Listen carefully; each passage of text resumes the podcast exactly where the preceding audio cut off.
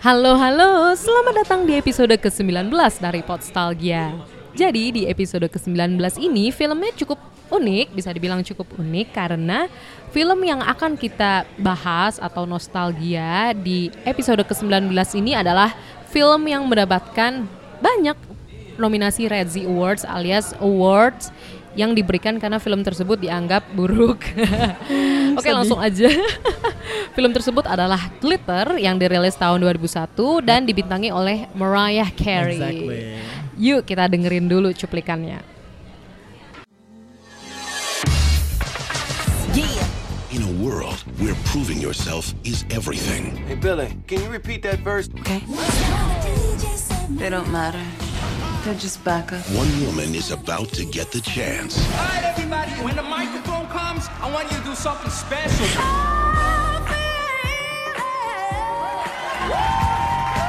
to go from unknown You have got a beautiful voice. I want to produce you. Yeah, right.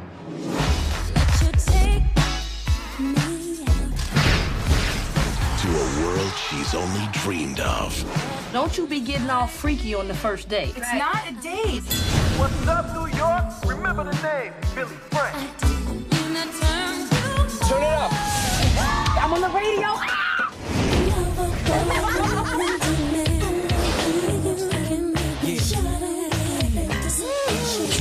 I'm a big fan. Maybe we should get together. They want you to work with other producers. The label makes these decisions. Well, you can't let them use the best of you. What makes you think that's the best of me?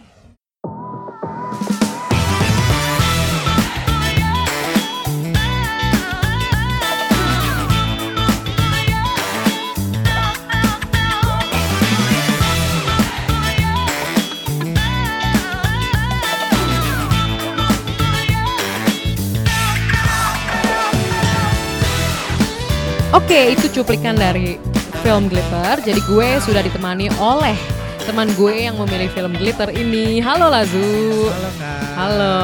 Jadi langsung aja nih, kenapa lo pilih film Glitter ini buat dijadikan nostalgia? Karena buat gue this is so interesting ya. Ha-ha. Karena seperti tadi udah dibilang, ya bener banget. Ini film tuh waktu pada masanya mendapatkan banyak banget kritik yang cukup pedas. Cukup pedas. Yap. Dan juga Ha-ha. some people thinks filmnya Ha-ha. emang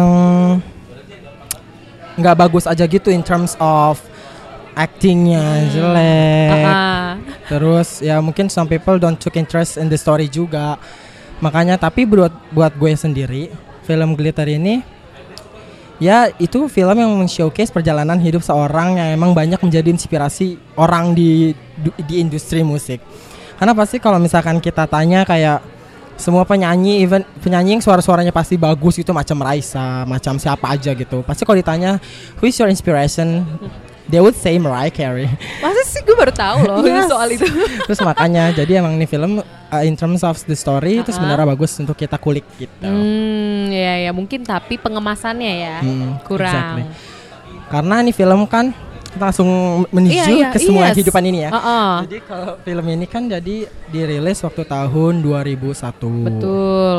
Nah, eh, awalnya ini tuh sebenarnya film ini tuh jadi karena dirilis 2001 jadi kan pembuatan filmnya di tahun 2000 even waktu uh, late 90s gitu. Yes. Nah, awalnya tuh nih film bahkan eh, nggak mau dibuat namanya glitter dulu tuh pengennya dibuatnya All That Glitters. Oh. Itu nama film awalnya. Ha-ha. Dan skrip awalnya tuh dulu Mariah itu udah bikin udah eh, bikin ceritanya itu dari zaman tahun 98-an gitu. Berarti dia scriptwriter atau ide cerita aja? apa? Scriptwriter atau ide cerita aja?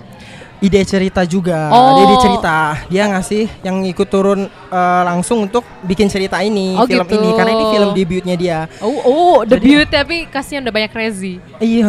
Dan dia menang worst actress. Oh my Oh. god, sedih kan? Iya, Bayangin iya, aja iya, coba. iya, iya. Jadi di film ini sendiri bahkan Mariah itu wants to prove that she can gitu loh, bahwa emang some people around her itu udah bilang kayak Heeh.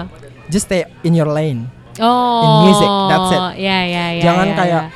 masuk ke dunia film. Hmm. You're not good at acting. People say that. Tapi sebelum Glitter Wow. ini sendiri bahkan Mariah Iya. itu udah pernah main di film Bachelor The Bachelor sebagai Oh. opera singer nggak nggak lead actress something. Tapi opera singer ya dia penyanyi juga. Iya. Ah. Nah, Jadi ini kayak akan be- berurutan ya gue kan dengar operasi singer gue pengen langsung pengen ceritain maknya Mariah Oh gitu. Lanjut jadi lanjut. oke jadi udah gitu nah jadi film ini tuh awalnya mau dibuat namanya All That Glitters. Nah, Uh-uh. di film All That Glitters itu ceritanya tuh lebih Hmm? menurut gue sih ceritanya sendiri Ah, lebih beda sama si glitter. Oh, Karena iya? kalau glitter itu literally sedikit nyamain dengan kehidupannya Mariah Carey. Oh wow. Terus terus. Tapi All That Glitters itu in terms of story-nya uh, story-nya beda tapi uh, problem sih sama gitu maksudnya. Oh. Jadi kayak nilai kehidupan yang ada di cerita itu sama dengan nilai kehidupan asli Mariah Carey Iya, kalau di iya, film All That iya. Glitters yang waktu itu. Jadi tapi kalau jadi. glitter sendiri tuh tentang nah, apa glitter sih? itu sendiri. Jadi film ini di sini Mariah Carey namanya adalah Billy Frank. Ah, Dia di sini punya uh, ibu juga. Jadi gini Mariah Carey itu sendiri dari zaman dia kecil itu udah punya masalah dengan herself, Oh. dengan keluarga. Jadi da- dengan herselfnya. Sebenarnya gue takut yang ngomong kayak gini takut nanti ada beberapa lambs, lambs itu oh, fans Mariah Carey. Oh That's how we call God. ourselves. Lambs. She calls us. Iya jadi kayak lambs itu fannya fans Mariah Carey. Wow. Takut ntar misalkan ada yang denger terus kayak ini orang ngomong apa sih? Enggak, apa-apa. Kan beda dong perspektif fans ya nggak sih? Yeah, just Mungkin correct me if I'm bilang- wrong ya guys. Iya, mungkin langsung Jadi bilang kayak- A, lem yang lain bilang B. It's Iya, okay, jadi nggak Mariah apa-apa. Carey itu sebenarnya makanya dia tuh jadi inspirasi banyak orang juga. Itu karena Ah. dia emang bukan hanya in terms of eh, vocal dia angelic banget bukan. Mm-mm. Tapi emang dia tuh lagu-lagunya bahkan dianya sendiri pun itu so inspiring karena Hmm. she survived so many things. Bahkan waktu zaman dia kecil rumah dia tuh sering ditampongin batu hanya karena dia biracial. Oh my, oh karena dia bapaknya itu Bapaknya itu negro, Uh-uh. uh, I mean American African, Uh-uh. Afro gitu. Nah, terus ibunya Venezuelan. Oh, oh berarti dan dia lahir Uh-uh. dengan keadaan dia ber- lebih condong ke kulit putih tapi tidak putih Iya, iya, gue setuju. Iya, iya, dan iya, rambutnya iya. keriting Betul, dan agak blondie dan ya. dia nggak jadi nggak kelihatan hitam nggak kelihatan putih Iya, iya, dan dia iya, itu iya, selalu iya. dijadiin masalah hidup dia dari kecil Oh, oke. dan bapak keluarga mamanya nggak setuju mamanya nikah sama bapaknya jadi umur tiga tahun dia udah cerai sama bapaknya Oh. Kayak jadi zaman kecil emang masalahnya udah kompleks Iya. Masalah sama keluarga sama teman-teman dia selalu dikucilkan kayak "Eh, are you black are you white Oh, I see. nah terus jadi di film glitter ini ki- Uh-huh. tapi di film ini tuh bedanya adalah mamanya Mariah Carey di sini digambarkan dengan wanita hitam berkulit Ah, hitam iya, iya, betul. nah terus jadi film cutnya tuh pertama film mamanya sebagai singer juga sama mamanya Iya. Mariah Carey tuh singer juga tapi kalau aslinya mamanya Mariah, Mariah Carey tuh um, opera singer Oh, wow. Makanya Mariah Carey bisa nyanyi juga itu eh, di coach sama mamanya waktu kecil. Tapi mamanya tuh nggak pernah push dia untuk jadi singer. Oh, enggak. Itu murni keinginan Mariah Carey sendiri. Dahsyat sih. Nah terus Uh-uh. jadi filmnya itu lanjut. Ya. Terus di situ juga digambarkan kesamaan dengan ma- kehidupan Mariah Carey yang asli adalah di situ udah digambarkan juga kalau dia udah mamanya sudah cerai dengan Mm-mm. Ayahnya kan ada di film itu di bagian film itu pas awal-awal. Nah dari kecil mamahnya akhirnya nafas di film ini mamanya akhirnya karena mamanya punya masalah financial dia akhirnya di, di- jadi foster care kan di foster care. Dia tumbuhlah di sana. Dia tumbuh di sana sama temannya yang bernama Roxanne and Louise.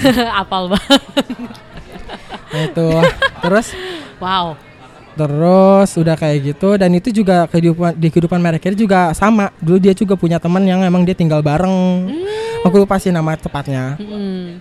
Nah terus eh dia emang dia udah fond dengan musik kan, udah, udah fond dengan musik dan dia abis itu setelah dia tinggal move in dengan teman-temannya, dia lanjut dan itu dia akhirnya di discover oh nani this is so interesting. Karena eh, di film itu Mariah Carey jadi backup singer untuk Silk namanya ada. Nah terus tapi di dunia nyata Mariah Carey juga bahkan di film ini sama adalah Mariah Carey itu jadi artis the way she is right now itu enggak having the luxury of uh, coming from a great families and then Ya, such. Setuju. dia benar-benar dari bawah banget yang kayak dia literally zaman SMA itu dia udah mulai nu- nulis lagu Mm. sama oh, temennya Oke, oke. Nah terus dia bahkan kerja sebagai waiter, waitress. Hmm. Terus itu bahkan kerja di- jadi waitress aja tuh pasti setiap dua minggu pasti dipecat gitu karena kerjaan dia pasti nulis lagu, jadi kayak nggak punya waktu. Iya iya iya iya. Terus mengejar dia passion kerja ya. mengejar passion. Nah terus eh, udah kerja jadi waitress dipecat. Akhirnya dia jadi dia tuh titik awal karirnya adalah dia tuh sebagai backup singer Yang seorang Mariah Carey emang dulu backup juga singer backup bener singer. Oh. untuk Brenda K-Star namanya Eh, Bahkan gue nggak tahu Brenda K-Star siapa. Iya, itu dia jadi backup singer. Jadi guys, Ah. mimpi kita kadang memang belum tahu kita di mana, tapi kita pasti bisa mulai dari bawah. Yes, setuju sih. Emang gak ada yang langsung sih, Gak ada yang langsung. Dan I respect, even di dunia nyata aja gue tuh lebih respect orang yang memang dia mulai dari bawah gitu, bukan yang emang bawaan lahir gitu loh. Iya, iya, iya, iya. I kinda respect more Betul, people like betul. that. Terus Heeh. udah gitu di, di filmnya Mariah Carey juga sebagai seorang backup singer untuk seorang yang untuk seorang penyanyi namanya Silk. Hmm.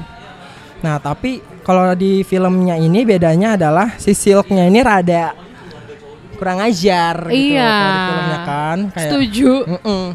Kenapa tuh kurang ajarnya? Kurang ajarnya Salah karena- satunya. dia nggak bisa nyanyi Iya, iya. Jadi dia pakai suara Mariah Carey Iya sih. ghosting terus udah kayak gitu Tapi kalau- Mariah Carey-nya happy-happy aja loh. tapi at first dia nggak mau karena dia ngerasa yang bener aja iya, gitu itu kan suara loh. gue. iya terus akhirnya tapi karena emang needs money Betul. she does it Terus tapi kalau di dunia yang kalau di cerita aslinya Mariah Carey itu sebagai backup singer untuk Brenda K-Star, Brenda itu melihat potensinya Mariah Carey. Oh my god, jadi Brandanya baik dong Brendanya sebenarnya. baik, jadi Uh-uh. dia ngebantu Mariah Carey untuk untuk uh, establish her career juga in uh, in her early stage of career. Oh, Itu menarik. Iya, iya, iya. Nah, sampai ya biasalah ya kalau misalkan kayak kita udah bantuin orang terus ada aja yang nggak pamrih jadi tiba-tiba dulu Mariah Carey juga pernah di show sama Brenda K-Star lah for some reason I don't quite recall Iya, iya. Oh, tapi akhirnya kayak gitu ya. Mm, terus nah terus sudah kayak gitu Uh-uh. lanjut ke cerita di filmnya itu Mariah Carey akhirnya setelah dia jadi backup singer untuk Silk dia akhirnya nunjukin bakatnya ke seorang DJ namanya Dice Dice. Ada gak sih Dice itu beneran? Nah, di kehidupan nyata Mariah Carey, nah di filmnya itu si Billy Frank alias Mariah Carey sama Dice, si Dice tuh nawarin kayak dia terpukau dengan talent yang Mariah Carey punya. Nah, siapa yang enggak gitu kan? Iyalah. Terus si Dice langsung bilang I want to produce you. Dia mau jadi produsernya. Terus jadi dari titik awal nol tuh Mariah Carey sama dia sama si Dice untuk nyari label dan sejenisnya. Nah di dunia nyatanya Mariah Carey waktu zaman SMA dia tuh punya teman bareng nulis lagu bersama namanya Ben. Oh. Dia selalu nulis lagu bersama dari zaman SMA sampai Ah. ngumpulin lagu-lagu yang mau jadi demo tape-nya Mariah Carey. Wow. A- sampai akhirnya Mariah Carey itu waktu itu eh di dunia asli, di dunia yang beneran nih. Iya. Mariah Carey eh, demonya sampai ke tangannya Tommy Motola. Waktu itu adalah dia President of Sony Music Columbia. Sony Music Columbia. Nah, Oke. terus Mariah Carey diambil sama Columbia karena pas Tommy dengar lagu itu langsung sign her. Oh, wow, Langsung, hebat banget padahal dia nggak langsung. punya nama. it's- She's such a gem. Iya, gitu loh. iya, karena iya, iya, iya. Ah, karena label yang lain tuh ada yang label aku lupa nama labelnya tapi ada label apa BMG gitu punya nggak? nama punya punya Whitney Houston. Terus Oh. label yang lain ada lagi punya Madonna. Oh, oh. Nah, Columbia has Mariah Carey. Dia tuh langsung dijadiin alat. Kenapa aku bilang alat nanti aku ceritain. Uh-uh. Itu untuk jadi untuk pionirnya ini Columbia untuk saingin semua sama label-label yang lainnya. Jadi Columbia itu belum ada nama dulu sebenarnya. Udah tapi belum ada sebesar Mariah Carey. Wow. Wow, jadi benar-benar diproduce oleh Columbia itu. Nah terus saat itu Uh-uh. hubungannya dengan band, nah terus akhirnya dicerita. Jadi nah balik lagi ke cerita. Ini lompat-lompat karena Iya. kesamaan. Terus habis itu lompat ke cerita yang di film. Dia sama si Dice ini Mm-mm. bersama terus nyari label ini itu sampai dia akhirnya udah desain dengan label waktu itu di filmnya. Terus tiba-tiba labelnya ngerasa I think I should find you a new producer. Hmm. Kayak labelnya mau ngekat Dice sebagai produsernya Mariah. Karena mungkin musiknya kurang, kurang menjual, Bu- kurang jadi dijual kurang di perform pasar lah, ya. terus Oh. akhirnya mereka ini nggak mau tapi dia akhirnya consult sama Dice kata Dice nya nggak apa-apa if that's make you happy karena emang itu karena gue tahu lu akan lebih bagus dengan produser lain. Iya, iya, Akhirnya dia sama produser lain, udah nggak sama Dice. Jadi memang itu ya, kalau di film Glitter tuh ya ibaratnya kisah intinya sih tentang karir dan romance ya. Mm-mm, bener banget. Dilema-dilemanya sebenarnya Iya. pengennya kayak gitu kan. Mm-mm. Nah ini dilema karena si Mariah Carey sama Dice ini udah pacaran kan sama si Dice. Iya. Udah pindah bareng. Bener banget udah move in. Terus kayak, nah jadi kan ya konflik lah ya kayak Iya, biasa "Oh, lah. pacar gue ditendang. Iya, sedangkan gue diorbitin sama dia gitu Bener. kan. Terus akhirnya ya udah berjalanlah kehidupan. Nah terus dia akhirnya Mariah Carey kalau nah kalau di dunia nyatanya nih dunia aslinya Mariah Carey waktu itu sama si da- sama Ben. Mm-mm. Nah Mariah Carey Kayaknya gue harusnya ngomong kalau misalkan ke film gue nggak nyebut Mariah kali Billy Frank kali Oh ya. iya Billy Frank. Iya. Jadi iya, orang iya. bingung gue ceritain bagian asli yang bagian film.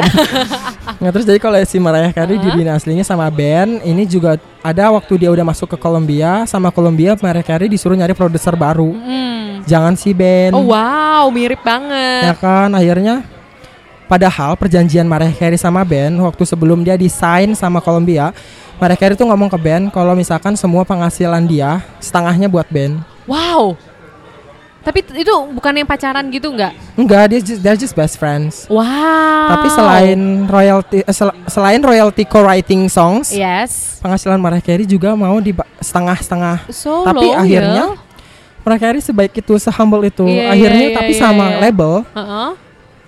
di state kalau band udah nggak bisa produce Mariah Carey dan band hanya dapat royalties lagu Karena dia yang nyiptain ya, kurang lebih gitu. nyiptain bareng. Jadi nyipta eh, hanya untuk royalties lagu Hmm. dan penghasilan Mariah Carey yang tadi perjanjian awal nggak boleh. Iya iya iya. Nah akhirnya band karena urusan politics like that ya udah hubungan mereka putus gitu aja dan band nge-sue Mariah labelnya Mariah Carey. Oh oh dikirain nge-sue Mary ya. labelnya Mariah Iya, Carey. iya. Ya udah kayak gitu. Jadi kan ada Ah. sedikit kesamaan kalau di film tapi nggak sampai nge-sue karena emang dia pacaran. Iya. Nah, terus balik lagi ke Billy Frank. Yes. Terus sekarang akhirnya Billy Frank punya ya udah udah masuk ke label, udah punya kehidupan yang glamorous. Sedangkan si Dice ini masih ya jadi DJ ke kota biasa aja gitu. Dan ya udah jadi si Dice juga kan merasa insecure karena oh my god my girl even more big than I am. Terus kayak ibarat kata maybe she doesn't even need me gitu karena she has everything. Iya Kayak- iya. she Krisis. buys him a keyboard Hmm. gitu-gitu. Nah ya udah terus itu udah berapa menit kita ngobrol ya? santai aja nanti nanti ada saatnya kok ketika udah mulai oh ini udah agak lama di divert dikit Oke. Nah terus hmm, udah gitu akhirnya, nah terus balik kema- langsung ke mana ya kita ya? kan tadi kan udah dibeliin keyboard ya Mm-mm. Mariah Carey eh Mari, eh, si Dice dibeliin sama toko Billy Frank Mm-mm. ya kan dibeliin Udah, keyboard Terus Maria, nah, nah karena si Dice ini insecure, jadi di film ini si Billy Frank ini kayak ibarat kata nggak boleh deket sama kayak orang kalau udah mulai kayak agak sedikit kedeketan gitu dia cemburu. Oh. Jadi kayak itu menghindar Carey untuk rising juga. Iya, mirip sama A Star Is Born nih. Oh gitu. Iya, udah nonton belum? Belum. Oh, mirip, mirip banget. Oh gitu. Iya. Nah, iya, jadi terus udah gitu. Mm-mm. Eh, ada suatu occasion Mariah Carey tuh kayak demen eh Billy Frank sorry demen banget sama seorang namanya aduh aku lupa di film itu namanya siapa tapi dia juga singer Uh-uh. singer songwriter juga Chinlock. nggak cinlok dia adores his Oh, voice oh, oh. dan di film itu si Billy Frank state kalau misalkan she's a fan of him Ya. dan in return uh, ternyata si cowok ini juga fannya Mariah Carey Oh. suka eh, Billy Frank saling Iya, iya, iya, adores gitu Hmm. ya dia cembokir dengan si Dice kan Iya, iya, iya, iya, iya, iya. nah terus iya, udah iya, kayak gitu eh itu satu nah terus kayak Mariah nah di film ini Billy Frank nah ini ini something yang twistnya nggak Ah. twist ah bukan twist apa sebutannya yaudah jadi di film as eh, di kehidupan asli Mariah Carey let me let me tell you jadi kalau misalkan di dunia kehidupan Mariah Carey yang asli di Colombia sebenarnya she's not being herself Oh. I'm telling you. Jadi sebenarnya kalau di kehidupan Mariah Carey yang asli, waktu zaman-zaman dia pertama kali ditemuin di Discover sama Columbia di Sign Columbia, dia nge-produce uh, album Mariah Carey, album Emotions, album Hero ya Music lagunya, Box. bukan? Hero, iya Hero juga oh, Hero masuk. salah satunya ya. Terus album Daydream, Hmm. itu semua itu kalau misalkan kita lihat album-album eh, early-nya Mariah Carey itu pasti lagunya ballads. Iya, betul betul yang betul. Vocal yang lyrically so beautiful. Iya, iya. And there's a hero. yang emang dia harus dili- diperlihatkan sebagai seorang uh, sosok yang emang anggun, Diva sih ya diva. jatuhnya. Nah, sedangkan deep down Mariah is so hip hop. Oh, kayak why you so obsessed? Exactly. Mariah tuh so hip hop. Aslinya hip hop i- banget. Aslinya Gak kelihatan loh. jiwa kulit hitamnya dia tuh ada. Iya, iya, kental iya, iya, sebenarnya. Nah, terus tapi itu harus di di suppress gitu Iya, kalau pas di iya. zaman Kolombia, eh, Kolombia Biar sama dijual dulu ya sama ke kan umum. you know kalau si Mariah, Mariah itu suami pertamanya si presiden Sony itu Baru tahu. oh baru tahu jadi Iya. jadi pas dia desain sama Columbia dia dinikahin Oh. dijadiin binatang piaraan dalam artian Mariah itu nggak nggak dia hanya dijadikan like uh, Trophy. like um apa Trophy mungkin? ya something like that and like a bird in a golden cage She has everything she needs of course Yeah. Tapi dia nggak boleh ke mana-mana Dia harus ngikutin apa perintah suaminya Lu harus bikin musik kayak gini Oh, Dia nggak oke. diizinkan untuk explore herself Iya, iya. Nggak kayak Ariana Grande ya. It's so different Beda banget loh Ariana Grande. Mungkin di Yes. awal lagunya yang angelic ya. Exactly. Tapi lama, makin lama makin lama eksperimental yang dia banget lagunya, Iya. yang dia happy banget gitu loh. Dan makanya ada beberapa lagu juga yang Merayah ciptain Itu Nah. untuk ngegambarin situasinya dia Oh. Carey is so amazing in songwriting That we don't even that Bahkan lagu dia Honey Uh-uh. Ada itu di album Ba- uh, Butterfly if I'm not mistaken sorry terus jadi itu lagu Honey itu bahkan orang 20 tahun kemudian baru tahu maksudnya Mariah Carey di lagu itu apa Rilisnya tahun? 98an if I'm not Oh, baru dong. 97 Baru dong diketahuinya dua Iya. tahun dua tahun lalu. Kayak parah banget jadi lagu itu ya udah I don't think I should say it here. Jadi intinya kayak lagu Honey itu orang-orang baru tahu artinya apa. Dan itu sangat jorok. Joroknya nggak apa-apa santai aja gimana tuh? Apa? Gimana coba jelaskan jorok banyak? Apakah banyak lalat mungkin? Eh, bukan. Oh bukan. Jadi Apa tuh? Honey yang Mariah Carey maksud di film itu adalah uh, cairan dikeluarkan oleh laki. Oke, ngakak Ah, itu waktu dia rilis nobody knows that apa maksudnya Mariah. Gue juga gue pernah tahu li- dia punya lagu judulnya Honey tapi gue baru tahu kalau artinya itu. Semiotik ya anaknya ya. Pintar banget dia tuh nulis lagu tuh sepintar itu karena Iya, emang iya, iya. dia juga bahkan mau dikenal itu bukan hanya sebagai singer, dia tuh songwriter dan bahkan dia punya 18 number one in Billboard. Oh, Itu most number one daripada semua solo artis yang ada di dunia ini sampai sekarang. sampai sekarang. Iya, karena iya, yang iya. yang ngalahin dia cuman Whitney. Beatles. Oh Beatles. Beatles. Oh, Beatles 20. legend. 20 number one dia 18. Iya. Nah, Jadi terus se- se-legend itu sebenarnya ya. Of course. Jadi 17 dari number one-nya dia tuh dia nulis lagunya Oh, sendiri. Ngomongin soal glitter, kan glitter kan awalnya flop ya, Mm-mm. ya kan banyak kritik kritikus gak suka. Iya. Gimana rating Rotten Tomatoes berapa? 7 7%. Terus Nangis. dia soundtracknya juga nggak dapet ranking apa-apa kan. Tapi setelah itu 17 tahun kemudian, Oh iya ada Justice for Glitter. Uh-uh, Justice for Glitter. Jadi itu, baru kemarin. Jadi itu baru kemarin. Uh-uh. Jadi untuk film Glitter ini kan udah flop banget. Nah, terus. Mariah Carey bahkan nggak mau glitter tuh sebenarnya ada di hidup dia. Dari dulu tuh misalkan dia ditantang glitter, she doesn't want to say anything about it. Karena Kayak di film failure. glitter itu tuh dia bahkan di masa-masa itu dia bahkan hampir sampai ada rumors kalau dia kayak pengen bunuh diri. Wah, iya iya sedepresif Padahal nggak se nggak sampai bunuh diri sih kayaknya, tapi maksudnya ada rumors karena mamanya sampai nelfon one one one Oh wow. kayak uh, there's Aduh. blood everywhere Iya, gitu gitu. aduh. Itu rumor ya. Itu beneran kalau itu. Oh itu bener. Oh, tapi oh kayaknya God. bukan bunuh diri juga, tapi mungkin Mariah Carey lagi kesel dia Iya, lempar-lempar iya, iya. mangkok gitu mungkin tapi kena tangannya. Aduh iya kebeset.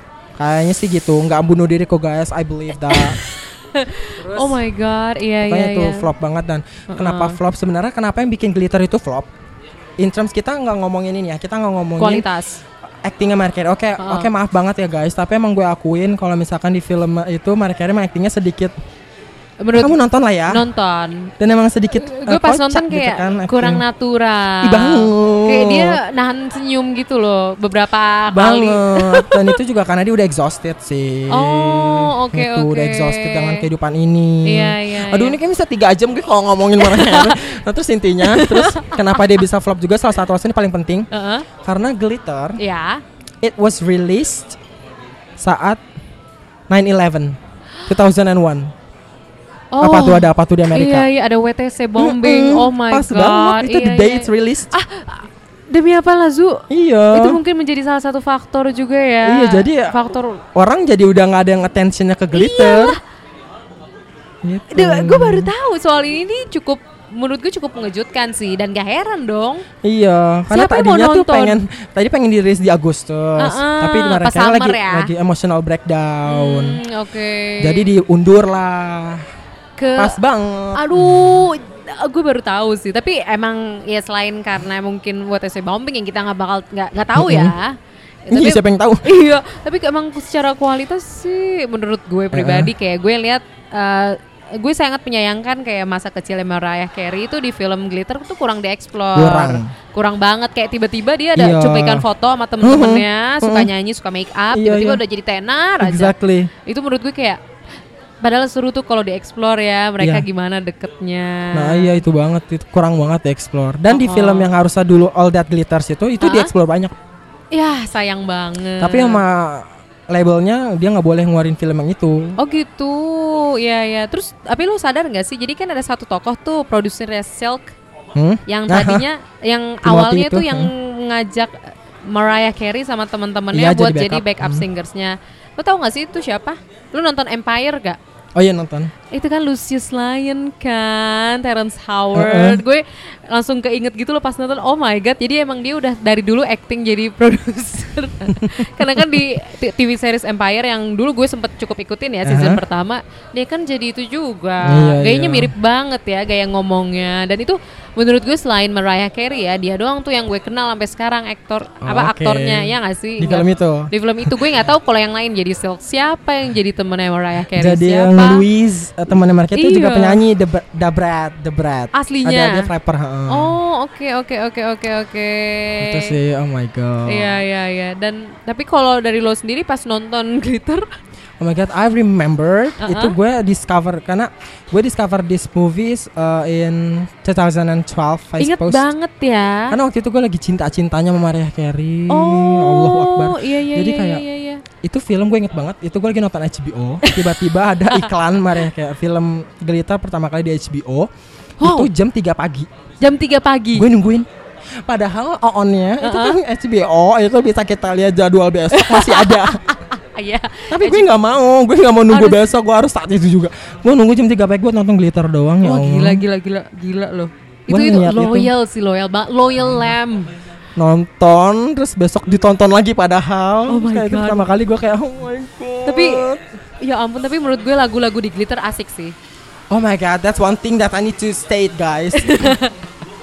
Jadi Mariah itu udah nulis glitter itu eh ya nulis geli- eh, lagu-lagu di glitter itu Ah. dari tahun 90-an. Dia tuh udah nulis sebenarnya Iya, Sambi iya. gitu karena kerjaan dia banyak banget kan. Betul. Terus kayak lagu-lagu itu tuh oh my god ini sebenarnya gue sedih banget sih. Makanya gue bahagia banget kemarin 17 tahun kemudian ada Ah, Justice for iya, Glitter. Justice for Glitter. Jadi itu nomor satu di Billboard kan?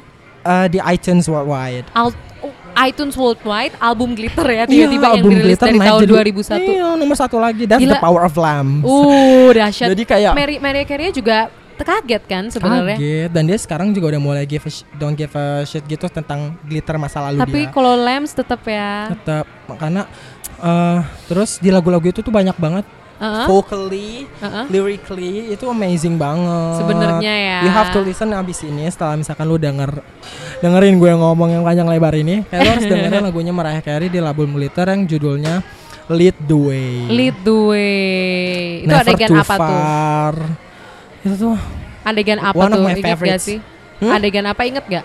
adegan apa? Oh, oh. Kalau never lead the way di situ cuman jadi lagu apa kalau soundtrack ya Ya, soundtrack oh aja. latar aja, latar aja nah, kalau background. misalkan Hmm. Never Too Far emang di situ dijadiin salah satu lagu mainnya di film Hmm. bahkan tadinya mereka itu harusnya syuting untuk video klip Never Too Far tapi karena dia nggak ada waktu emotional breakdown dan segala macam waktu 2000-an 2001 jadi dia nggak jadi syuting jadi yang ada di film yang kalau kita tonton pas scene terakhir dia nyanyi Iya, iya. Itu jadi video klipnya Dan puncaknya WTC tadi ya. iya Mana ada yang tahu sih tapi WTC juga ya. dan gue mau share satu hal lagi Ya. if we have still time kayak karena untuk uh, film Glitter itu dia uh, film dan album sama namanya Glitter Ya. dan itu dia lead single dari film itu eh, dari lagu itu ada ada album itu adalah judulnya Loverboy Loverboy. zaman bahla dulu zaman dulu itu Ah-ah. jadi kan mereka udah bikin lagu Loverboy karena Iya. kan every time we create songs itu kita punya sampel kan sampel songs Betul. Nah sampelnya untuk lagu Loverboy ini adalah dia pakai lagunya fi- lagu Firecracker judulnya Mm. dari siapa I forgot. Nah untuk ini dia udah bikin lagu Loverboy, dia udah bikin, dia udah taruh di trailer trailer dulu, dia oke udah bikin deh. Nah terus tiba-tiba pas rilis, jadi gini mereka ini tuh punya permasalahan sama si suaminya ini yang udah Hmm. cerai, Sama yang Columbia tadi. yang Tommy Motola ini. Iya, Tony Motola. Dia tuh cerai waktu tahun 97 98-an. Oh, udah lama. nikah 93-an Iya. karena dia nggak bisa nikah sama dia terus karena dia merasa tercage gitu kan ter Hmm, terkungkung iya, ya. gitu nah terus akhirnya di dan dia jahat banget Tommy Motola ini jahat karena literally Mariah Carey sign pakai sampel firecracker Iya. sebulan kemudian Tommy Motola s- make sampel itu buat Jennifer Lopez Yang mana? lagunya karena itu Jennifer lagi baru masuk Oh, baru ba- Oh iya 90-an ya. Dan Baru masuk Tahu nggak lagu judulnya? judulnya If We ada judulnya eh, Oke, nanti judul- cari if Iya, we. oh terus- my god. Nah, nah terus tap- Waduh. tapi jadwal rilisnya duluan Jello dibanding Mariah. Jadi misalkan Mariah tetap rilis lagu Loverboy, Iya. yang kelihatan nyontek siapa? Mar- Ya Mariah. kan? Jadi jadi makanya Loverboy sama If We itu sama. Nada. Sampelnya sama, nadanya sama jadinya. Oh, oke. Tapi karena emang yang dirilis If We duluan, Iya, jadi iya, mereka iya. ini seakan-akan nyontek padahal yang yang keep Firecracker itu duluan Mariah Carey. Wah, Akhirnya pas ya. udah mau rilis, Heeh. mereka harus bikin lagu lagi dong. Iya, iya, Dan itu bikin dia. iya bikin dia makanya one of the reason dia jadi emotional breakdown Sampai tahun 2001 itu ya. Iya. Dan diperburuk oleh uh, diserang terus sama Tom Iya. Sama media dan media prestasi nyerang. glitter jelek ya. Iya, Bisa dibilang jelek sih. Sorry to Bisa say. dibilang, iya Terus ada deh. uh, apa yang WTC tadi Mm-mm. itu parah sih. Tapi kalau lo pribadi seneng Mariah Carey itu bagian apanya sih? gue Maksudnya lagunya apa? Oke gue ceritain pertama kali Why I Love Her itu Uh-uh. pertama kali uh, I know lagu Hero dari dulu udah tahu tapi gue nggak tahu nyanyiin siapa kan Oh gitu. nah terus jadi gue gua tuh tahunya pas tahun 2012 pas Ya. Whitney Houston meninggal oh. Jadi pas 2012 Whitney Houston meninggal I was like Who is Whitney Houston? Uh-uh. Ya kan sorry banget gitu kan kita nggak kenal. Terus habis itu gua YouTube segala macam Whitney Uh-uh. Houston. Oh my god suaranya indah banget. Iya. Eh, gue baru tahu dia ke mana aja gue gitu kan. Tapi udah meninggal. Iya. Terus akhirnya gue nemu lagu When You Believe. Oh itu indah banget. Whitney plus Mariah kayak Mariah Carey Iya. ini siapa ya? Terus gue gue googling semua, gue Uh-uh. gue baca kehidupan dia sampai Iya, gue iya. dengerin semua lagu dia kayak oh my god enak banget oh my god Angelic keren ya, banget iya, dan iya, dia masih iya. hidup gitu kayak ada situ I fall in love I fell in love with Mariah ever since terus kayak dari situ gue dengerin semua lagunya gue apalin segala macam sampai sampai 2012 dari 2012 itu. Dan kenapa alasan gue? Karena selain basic reason karena suara dia emang bagus. Iya gue setuju unik. Banget. kan suara dia tuh unik banget. Dia yang kayak pionir dari teknik-teknik vokal banyak deh Heeh. intinya. Nah terus lyrically dan saat gue tahu ternyata she writes her own songs Iya. itu nilai plus yang lebih plus lagi sih Betul setuju. karena dia nyumpahin semua emotionsnya ke dalam lagu yang bahkan kadang kita we have to analyze the songs to Iya. find out the meaning Iya, nggak kayak iya, lagu-lagu sekarang yang sorry to say kayak it's so cetek gitu kayak ah ngomongin ini ini Iya, udah iya, ketebak iya, iya, iya. gitu jadi yang lyrically sebenarnya gue fall in love with Mariah juga karena emang dia lagu-lagunya itu sendiri yang indah banget lyrically. Hmm, hmm, Ditambah dengan suaranya dia yang pas banget untuk nyanyiin lagunya. Oh iya, tapi Gitu. kalau gue tuh pertama gue seneng banget Mariah Carey lagunya sih, bukan Mariah Carey-nya ya. Gara-gara obses sama Touch My Body justru. Anaknya emang modelannya gitu Ah, ya. kayak I was like, why you so obsessed with me? Kayak, Dan bahkan itu Touch My Body inget banget itu waktu lagu itu rilis. Heeh. You know Stevie Wonder? Iya tahu. Ya, bahkan Kenapa? Stevie Wonder tuh bahkan sampai ngomong gini Mariah Carey Heeh. bahkan bis eh, bahkan even Mariah Carey can be slutty sometimes tapi in a in a Class. and in the diva way. Oh iya diva banget sih. Oh iya. Jadi gitu maksudnya- ya. Dia nyanyi. Keinget karena itu Jadi kenangan banget sama teman-teman SMP dengerin Itu lagunya Touch itu. My Body? Memang We Belong Together nggak tahu. Mungkin tahu cuma kayak yang obses sama Tetep Touch My Body itu lebih yang Anaknya emang agak vulgar ya. ah, agak slati-slati. Slati-slati tapi tetap diva. Iya. Apalagi obses tuh sebenarnya lagunya itu kan, katanya Nah. isunya sama Eminem ya. Oh you know that? iya dong. Kan Yes. ada di video klip kan nonton. Oh iya, ada video klip. Dan Kan itu- gaya-gaya rappernya tuh kayak Eminem. Emang itu Eminem ceritanya. Oh gitu. Iya itu. Ini kalau gue lanjutin ngobrol obses tentang apa nih?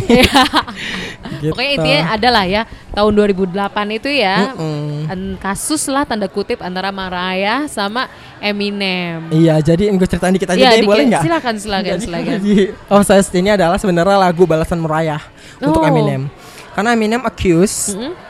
sebenarnya Eminem tuh kayak udah bin ngejar-ngejar dia since early 20 gitu, Uh. 20s kayak Udah dari kayak muda ya. dia tuh bilang Eminem, Mariah, lu tuh dulu pernah lo sama gue. Iya, oh, oh. Gitu-gitu, tapi even he writes it in his songs. Oh iya ya. Yes. Dan Mariah Carey Ngebales. balas dengan lagu Obsessed. Is iya, so iya, obsessed iya. with me? Oh my god, that song. Itu gue suka banget sih. Dan kalau karaoke itu kalau sama teman-teman SMP gue Apa? salah satu pilihan. Wajib. Fardu ain. Terus oke deh, kalau nih ngomongin glitter lagi kalau ke teman-teman mungkin baru denger juga kali ya soal glitter ini. Pasti sih. Iya sih. Dan kalau tahu glitter mungkin biasanya tahu dari misalkan orang nyari nih top worst films ever. Pasti So- ada dan di sorry situ. to say itu masuk glitter. Karena mungkin ya kalau menurut gue editingnya kan ka- agak kasar. Iya dan mungkin karena dia mau nge-capture ceritanya tuh tahun 80 gitu. Iya dan dan masa 80 ada yang jabrik-jabrik 2000 gitu aja sih. Gue pas lihat kayak ini tahun berapa sebenarnya. Jadi kayak ada kalau istilah ilmiahnya dikit ya kayak kuliah anakronis. Iya. Baik. Tidak sesuai dengan waktu karena gue ngeliatnya kayak tahun 2000-an. Bukan Ya, paham, paham. 80-an. Itu juga salah satu Itu alasannya. jadi salah satunya. Terus mungkin acting Mariah Carey ya. Yes. Aduh, padahal lagunya asik loh menurut gue. banget. Ya Allah, gue nangis denger lagunya. Dahsyat banget.